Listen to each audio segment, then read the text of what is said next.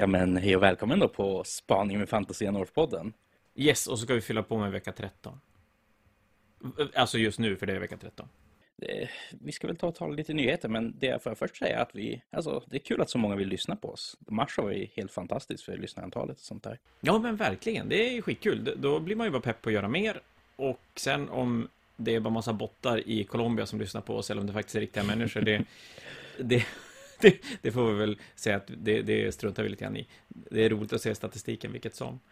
Och, och det kan man ju säga att vill folk att vi pratar om något speciellt eller, eller sådär, så är ni ju jättevälkomna att höra av oss, höra av er till oss på valfritt sätt, helt enkelt. Eh, Men nyheter var det. Den stora är väl att det går att börja ta förhandsboka eh, Luminef-sakerna den här veckan. Och, ja, jag vet inte, alltså. Hur ser det ut? Är det någonting som man måste stå och köa för att få? Eller tror du att det är som bara att boka? Alltså, Nej, skillnad, man märker en ganska stor skillnad på framförallt Age of Sigmar-saker och 40K-saker. Och det är väl det att 40K har ju en ganska mycket bredare publik. Och vi säljer, och, och, nu är det svårt att säga att, att Umeå blir, blir någon sorts facit på hur det ser ut, men det är klart, både här i Umeå och på nätet så, så täcker väl Fantasia en ganska stor del av, av Sverige. Och det säljer ju inte lika mycket som 40K-grejerna gör, om då jämför till exempel med Drukari som var förra helgen. Men det man däremot märker är att de som skaffar grejer till Luminet nu, de går ganska all in. Så en av varje då helt enkelt? Ja, men eller? lite så. In, inte, nej, inte riktigt bara så. Men, men definitivt mer än om man tänker sig... Drukari är ju egentligen bara en bok, så det är klart man har inte chans att köpa lika mycket, lika mycket som, som till det här. Men ändå, känslan jag får det är att Age of Sigmar-spelare som, som väljer att plocka upp Lumineth tänker sig bygga en armé. Inte lika mycket bara köpa boken för bokens skull. Och folk kan, verkar gilla terrängbiten. Som jag. Det, det, det, det är ju fel. Nej, det, nej. men- däremot beställde jag ganska få av dem, så det var väl dumt. Men Ja. ja, jag gillar den. Nej, men för, som sagt för mig, för mig är det att Luminef till slut blir en komplett armé och det är ju helt magiskt bra.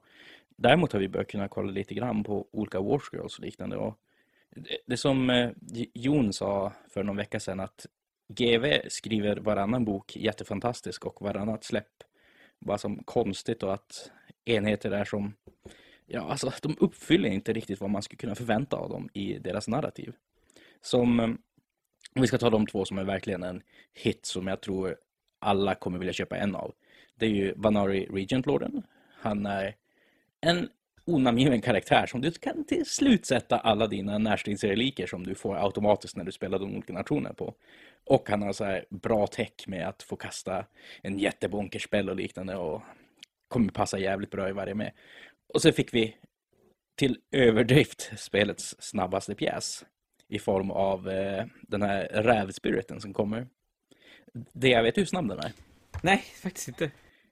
Den har 24 tums moment. Ja. Det finns tillgång till en spel som gör så att man kan dubblera moment på en modell. Det vill säga 48 tums moment. Sådär. Den får röra sig 12 tum i din shooting face, 12 tum i fiendens shooting face och at the end of the combat face om den har slagits och är i rätt subfaction får du göra en ytterligare 48 tums moment. Så vänta nu, den får gå 24. Nej, 48.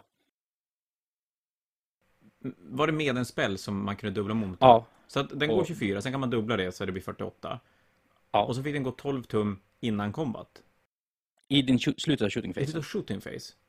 Så du får skjuta först och sen röra den. Så du kan sticka därifrån. Eller så kan du sticka in. Den har fly dessutom så den får flyga Men är du över de där 48 då, så att den är uppe i 60 tum? Ja. Oj, det är ju mycket. Och sen, sen får den chargea på det. Och sen för ett command ability får den gå 48 tum igen. Jag såg någon, någon så här meme-bild på nätet om där det såg ut som att alla terrängbitar var uppställda och så typ överkryssade och Ja. så sen var den där snubben bredvid. Vad menar de med det? Karaktären, alltså den namngivna snubben, Severith eller vad fan han heter, har en specialability att istället för att chargea i sin charge face får han peka på en terrängbit nära sig och säga den slutar fungera på 2 plus. För resten av matchen? Så. Så det han kan göra är att boosta in i Serafon-armén, göra lite mortal wounds, skjuta ihjäl två skin-karaktärer, peka på en terrängbit eh, som tar, exploderar och samtidigt som man sticker därifrån i sin skyttefas. 12 tum. Fabulous. Försvinner ja. terrängbiten eller slutar den bara fungera? Den slutar bara fungera. Alla abilities som är printade på dess Wars Girls slutar fungera. Rent spel, men nu har vi inte sett en poäng så det är ju svårt att säga kanske hur, hur bra den verkligen blir. Men, men hur, hur låter det balansmässigt i Age of Sigma? Alltså, grejen med att han... Vi vet att han kommer kosta 300 poäng, ehm, mm. kan vi säga på en gång. Det, den, det är en jätte, jättebra förmåga. Den enda som har den här förmågan innan är ju, vad heter det, Gatebreaker Garganten. Men den är ju både dyrare och förmodligen i en sämre armé. Den här pojken kan du ta och lägga in och bara som zooma in och ta ihjäl typ, alltså de här viktiga terrängbitarna som Osiark-terrängbiten eller eh, Beast of Chaos Herdstonen eller eh, Serafon-templet. Mm. Och det är en så fantastiskt bra förmåga. Men är det värt 300 poäng på en ganska squishy pjäs som han blir typ skjuten och magiad på? Det är mer tveksamt. Mycket alltså. bra fråga. Ja, så eh, om man ska jämföra med typ Avalenor, den här Mountain Spiriten som fanns sedan tidigare, som mm. är verkligen motsatsen. Han är skitseg, men han tål as mycket och eh, slår som ett eh, tåg när han kommer. Så då, jag älskar ju verkligen hur de har lyckats göra dem så här som motsatser till vad, vad, vad de gör. Och att han fortfarande kommer alltså, fungera oerhört bra mot många arméer. Ja, men det är väl roligt att de inte gör bara kopior av, av saker de redan har. Mm. Men eh, på tal om saker som jag gillar mindre bra. Blade Lordsen. Ja, det är så. Ja, alltså. De har ju eh, först och främst, de har en jättebra ability som gör så att de kan ta tankar wounds för dina karaktärer på 2+. Och det ser man ju bra. Alltså man såg ju ofta Serafonspelare ta typ ett extra Saurus Guard som kunde göra det att de tankade wounds åt slanerna. Mm. Men, och de här gör det på samma sak fast på 2 plus och ja, eh, de är bra på det helt enkelt. Men när jag ser en Swordmaster så tänker jag inte att det är extra wounds åt ens casters utan jag tänker ju att det ska vara en snubbe som går omkring och vevar med sitt greatsword och slår sönder saker och ting.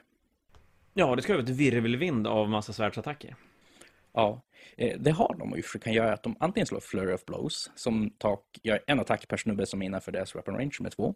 Så går man in i jättetajt packade 25 mm baser, visst, slår de mycket attacker, men de har ingen REN då. Så även om du har ett 5 plus save så kommer det ta bort alltså en tredjedel av all skada. Eh, andra varianten är att de slår bara en attack per snubbe som träffar automatiskt, woundar 2 plus och sen REN 2 och damage 1. Så de gör typ värde 0, 0,8 någonting wounds per snubbe eller något i den stilen mm. med saves och sen så har någon en negate inräknat så gör de nästan ingenting. Och jag menar, de kommer kosta där kring 200 poäng för en 10 och då kan man säga att de gör typ så här, när de rullar perfekt gör de 11 wounds då med den attacken. Kollar man på andra enheter i 200 poängskalan, typ ska vi säga Iron Guts till exempel, så är det verkligen ingenting i damage-wise. Och Problemet är att alla kommer jämföra de här med peak-snubbarna till Lumineth också. Och Pitsk-snubbarna, förutom bodyguard abilityn så känns de bara mycket bättre. För de har ju tillgång till den här sunmetal-regeln, att på sexor to hit gör de mortal wounds. Eh, för för övrigt, de här killarna har ett sunmetal greatsword, så varför inte de har sunmetal weapon är en väldigt konstig miss. Men de är inte heller magiker i en faktion där du har jättemånga asbra spells. Så tar du här killarna istället för ett block med Wardens så tar du och ger upp en av dina magikerslott. Så ja, okay. varför skulle man någonsin göra det? Är det är lite konstigt att de släpper en sån enhet. Om det inte är så att det finns tankar. Nu, nu börjar vi hamna i ett läge med Age of Sigmar att det blir den här det här kan ju vara skrivet med nästa edition i åtanke. Mm. Men Ja. Men just nu så känns så, de inte superheta alltså. Nej, alltså det är till och med så att jag är besviken på dem. Och det finns så uppenbara saker de hade kunnat göra med dem för att göra dem spelbara. Typ att de hade bytt plats på den här träffa automatiskt-saken med Flurry of Blows. Att det var träffa automatiskt-saken som var ett svep och träffade alla modeller som var inom din range. Att han gjorde en perfect blow. Och annars så slog de med sin Flurry of Blows som var typ så fyra attacker per snubbe. Mm. Då tror jag att de hade sett spel, för då hade man ju haft den här anti-hood varianten, men också att de kan, kunde slå vanligt ganska mycket. Nu har de antingen en konstig attack eller en annan konstig attack. Och du måste välja mellan någon av dem. Och som sagt, att de missar Sun Metal Weapon. Det, alltså jag hoppas att det kommer i ratan att de får den, för annars är de verkligen helt, helt dåliga jämfört med Wardens. Om du jämför med Stoneguards, hur är de då? de tillför sin lookout surf förmåga, alltså den här att de får tanka wounds åt snubbar nära sig, Mm.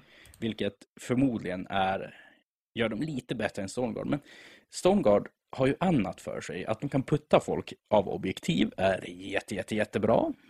Att de, ehm, ja men också att de kan bli hur tankiga som helst, vilket de här killarna inte kan. Jag menar Stormguard, spelar de i Metrica, då ignorerar du ju den två. Spelar de i bataljonen, får de rerolla sin save. Och ger du dem då också att de poppar sin AD-kort för plus ett i save, de har alltså 3 plus rerollable save som ignorerar upp till ren 2. Så det är som, Då dör man inte. ja, nej du dör inte. Men som sagt problemet med dem är att de inte gör någon skada heller för sin poäng. Så Nej. nej, Wardens och Stoneguards skulle de haft någon annan som skrev Ward Scrolls eller något, helt klart. Så att den här releasen nu kommer mer att fylla ut karaktärslotsen i Illuminat-armén då. Ja, definitivt. Hur ser Eh, eh, Känguru-ryttarna ut? De eh, är annorlunda. Så, så inte bara De- modellmässigt alltså? Nej, utan det vi vet om Hurakan, alltså vindtemplet, är att de kommer kunna pajla 6 tum hela bunten och behöver inte pajla mot närmaste fiende. Så de kan pajla ut ur närstrid om de vill.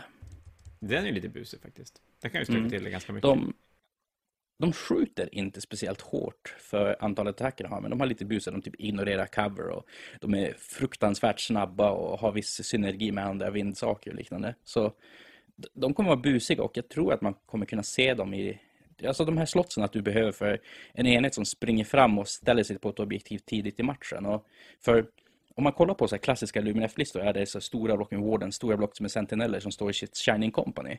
Så de får minus ett hit. Men då får de ju samtidigt inte springa. Och då tar de sig bara 6 tum eller 12 om du kastar Speed of Fish på dem. Men det hinner du ju inte ta objektiv på. Nej. Så att ha en enhet med antingen Dawn Riders som vi såg förut, eller nu Hurrikanerna kan vara en grej. Men så helhet då över den här releasen så kommer den att tillföra ganska mycket, eller den kommer att tillföra en del till Lumineth som, som armé. Ja, I alla fall hur man kan spela den. Jo, och fast den gör förmodligen så att de sätten vi hade att bygga Luminef på blir till och med starkare. Jag menar, Teklis får tillgång till ytterligare en spellvår verkar det som. Alltså vindmagin. Och där har han ju den kända Hand of Gork-spellen, alltså att han får plocka upp en enhet och sätta fram den nio tum ifrån fienden. Och har man spelat mot orker någon gång så gör de att de tar upp 30 Ardboys och sätter dem i ansiktet på en. Nu kan Teklis göra det, fast han tar 30 Wardens och sätter det i ansiktet på en som är typ odödliga.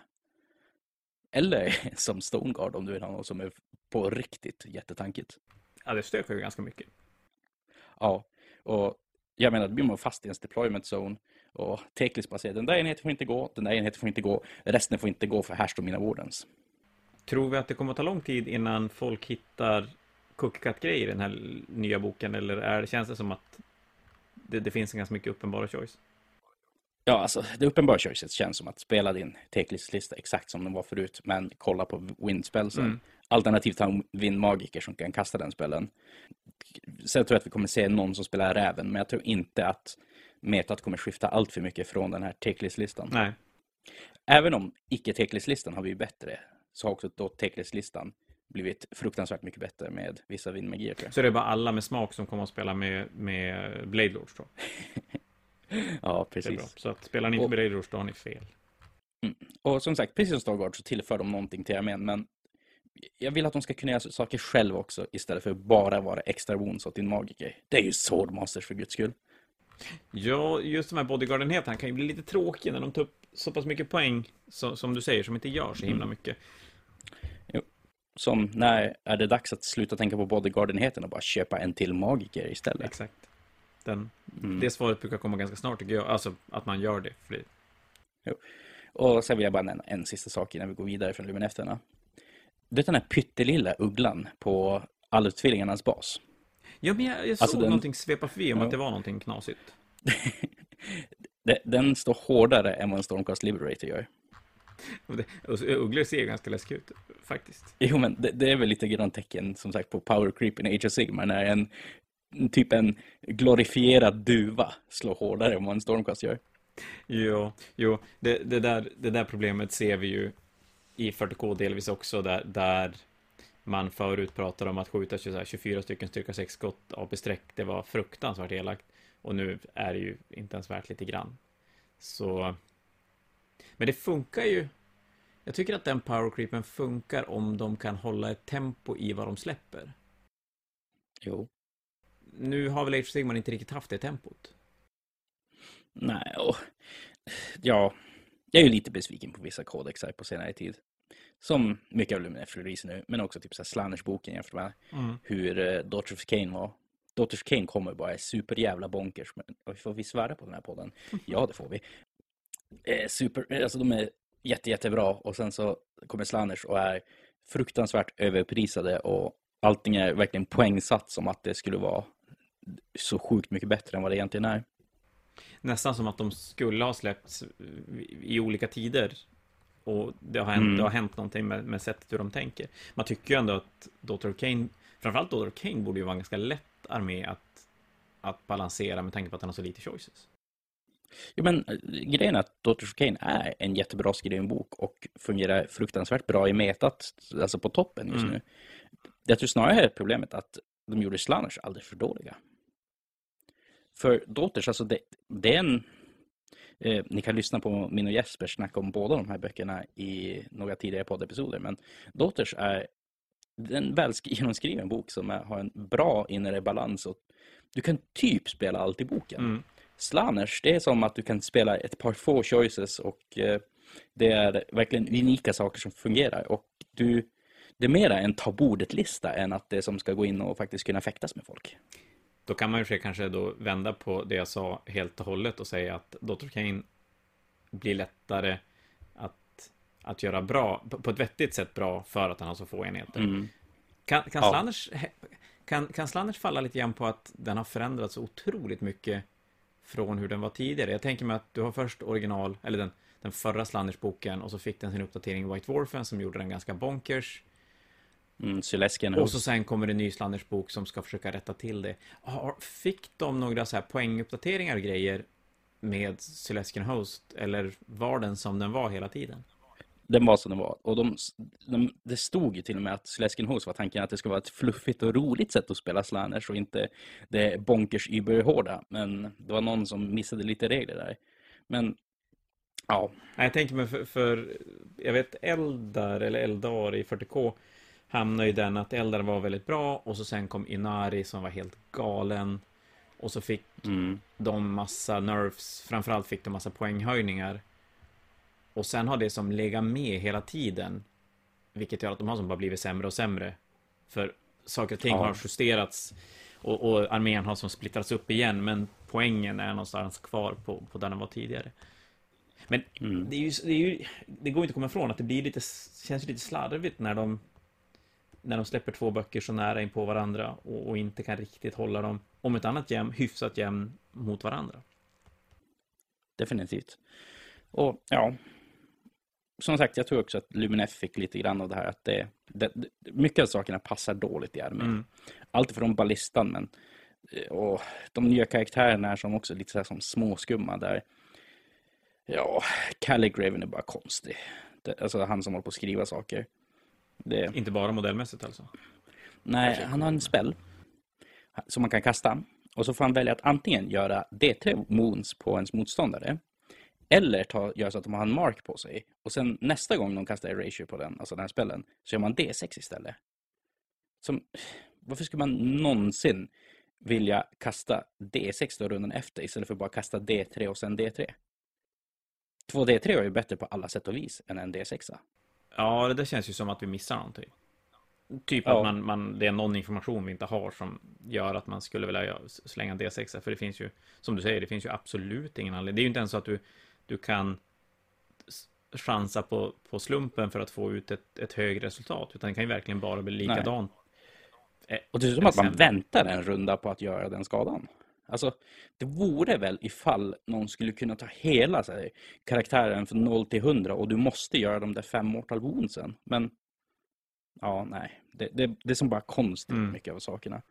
Och ja, som sagt, Swordmastersen, Blade Lordsen. Det.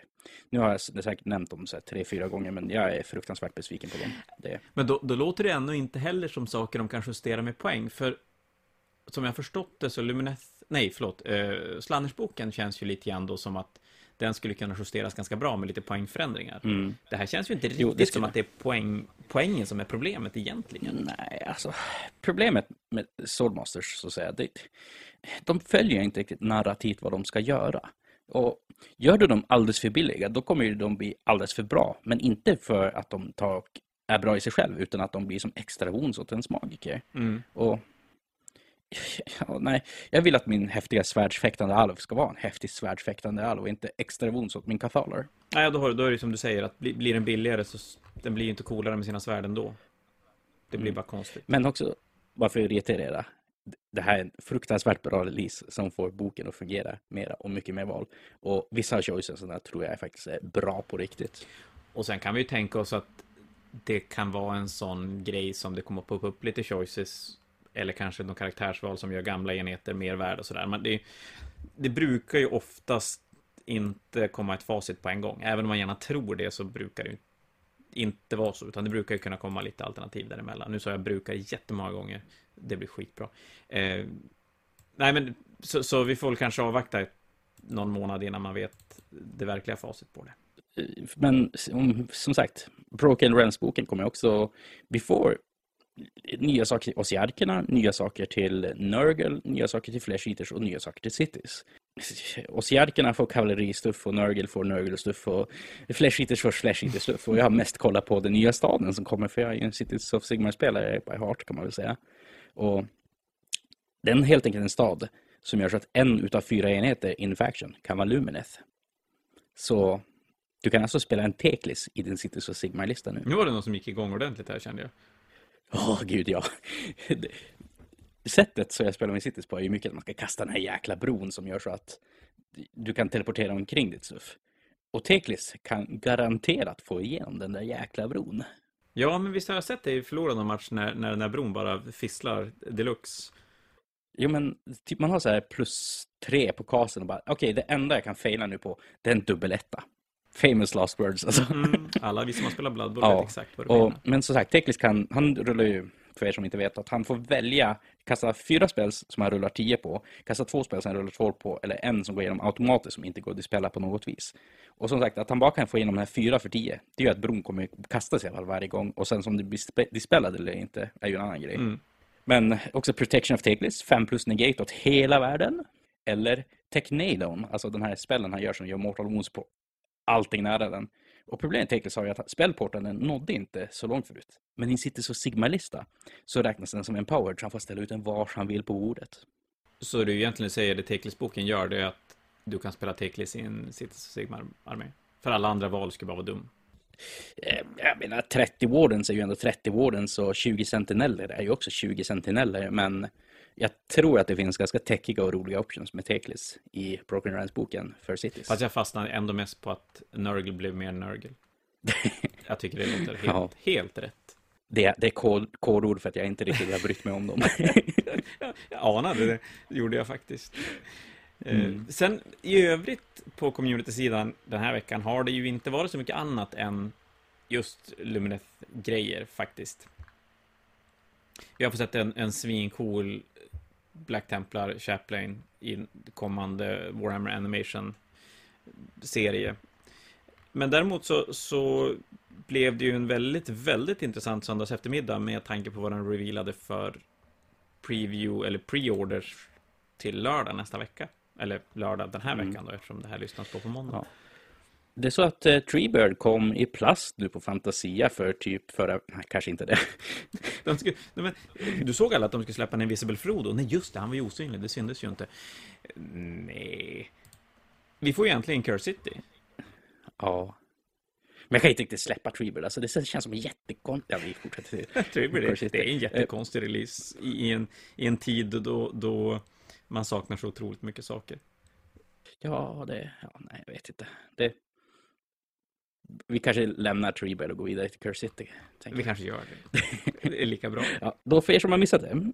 Curse City är ju nya Warhammer Quest-lådan som kommer till Age of Sigmar. Alltså så här, storyline och ja, om ni tyckte om Blackstone Fortress kommer ni också älska den här lådan. Alla modeller ser helt jävla bonkers ut. Otroligt, otroligt snygga figurer. Egentligen, där måste man ju säga, där är det ju ganska precis som Blackstone Fortress, att de, det känns som att de kan leka med designen, de kan släppa figurer som inte kanske nödvändigtvis har en plats i en armé, men ändå någonstans sitter det någon, någon figurdesigner och bara vill göra något, något knasigt. Och nu får mm. de chansen att göra jo, det. Jag älskar ju verkligen, vi, jag tror vi snackade om det tidigare på någon podd också, med Curse City, att det ska vara som eh, så här, hur de föreställer sig att olika människokulturer ser ut i Age of Sigmar. Och det här ska ju vara någon så här lite som borderline så österländsk, eh, typ rysk Kazakstan-kultur nästan. Och till och med så här att de har lite grann akryliska, det heter akryliska? Nej, ja. Men vad heter rysk, ryska bokstäver? Ryska bokstäver. Ja, alltså deras alfabet. Exakt, ryska bokstäver.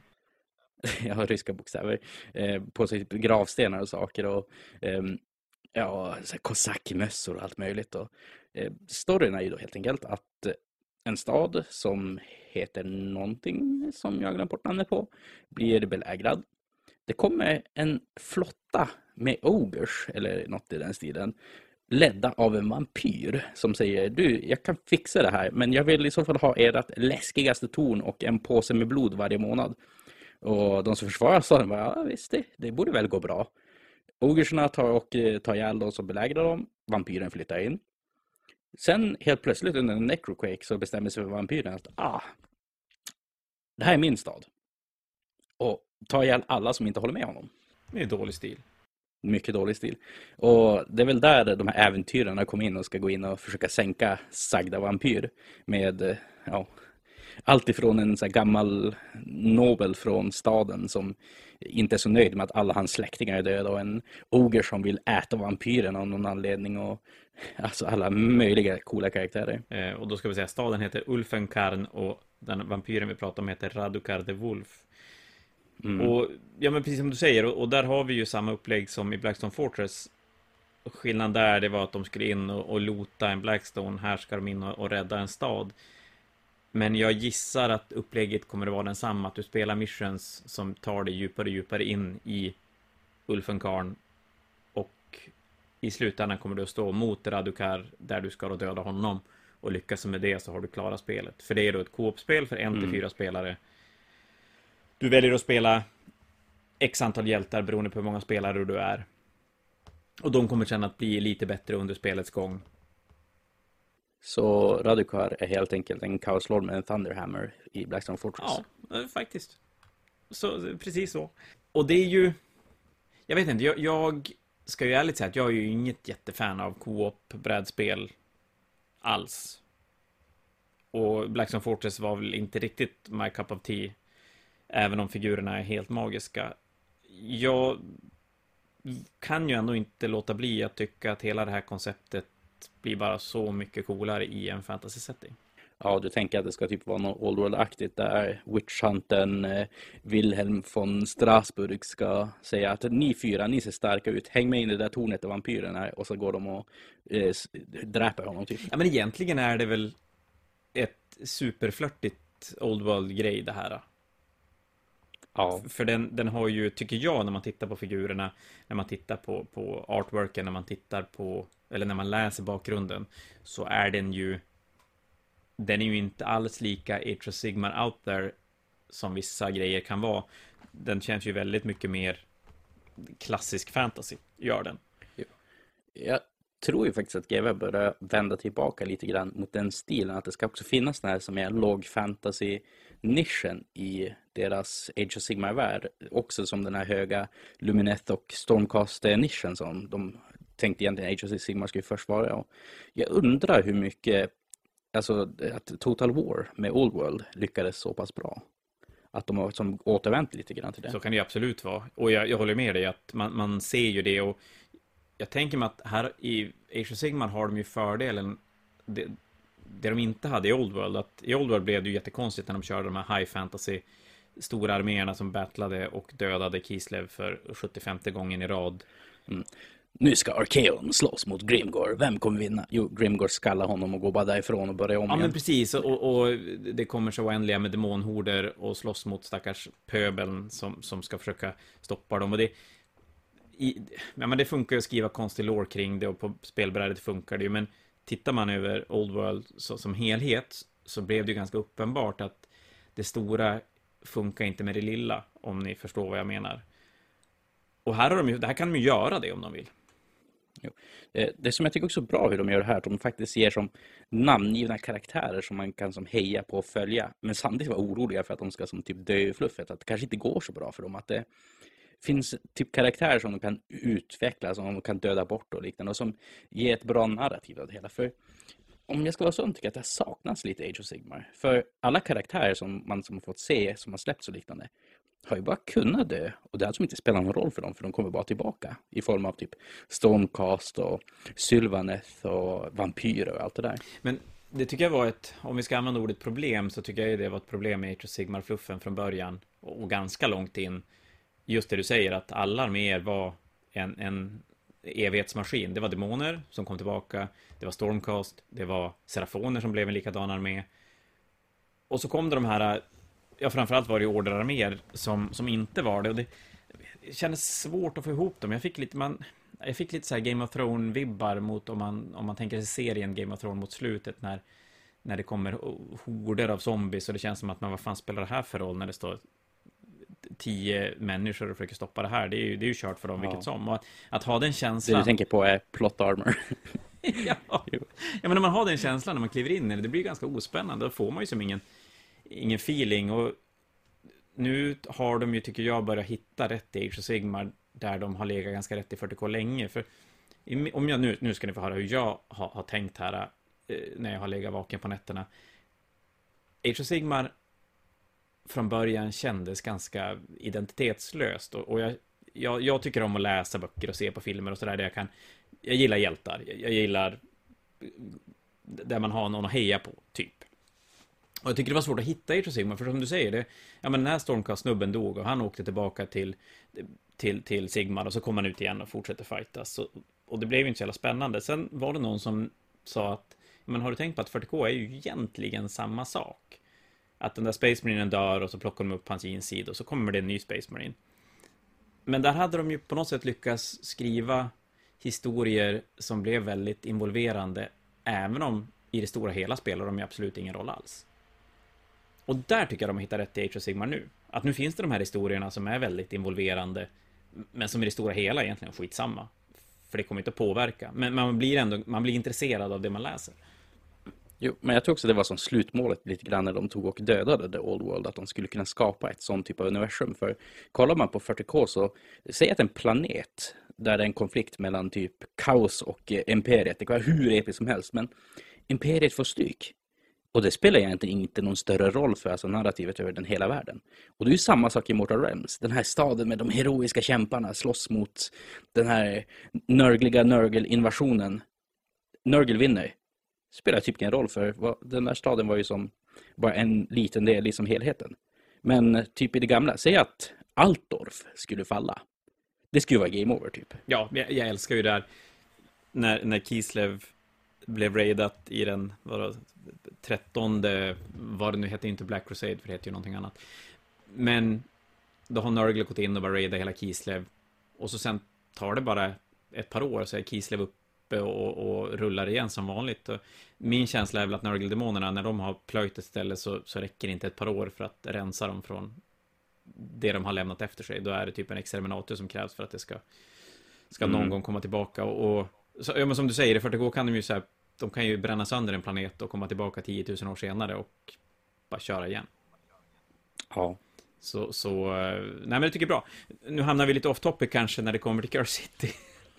Får vi väl säga. Men, men oavsett, upplägget känns ju, känns ju jävligt coolt och framförallt gillar man brädspel, framförallt co-op-spel och även figurer i, i hög kvalitet så är ju Car City precis det man är ute efter. Mm. Och det man kan ju också nämna att de, alla hjältar i alla fall vad jag vet kommer komma så att de får regler i Age of Sigmar. Och sen har de ju visat upp Gravelords och du kommer kunna blanda ut dina skelett och zombies som du får i Curse City.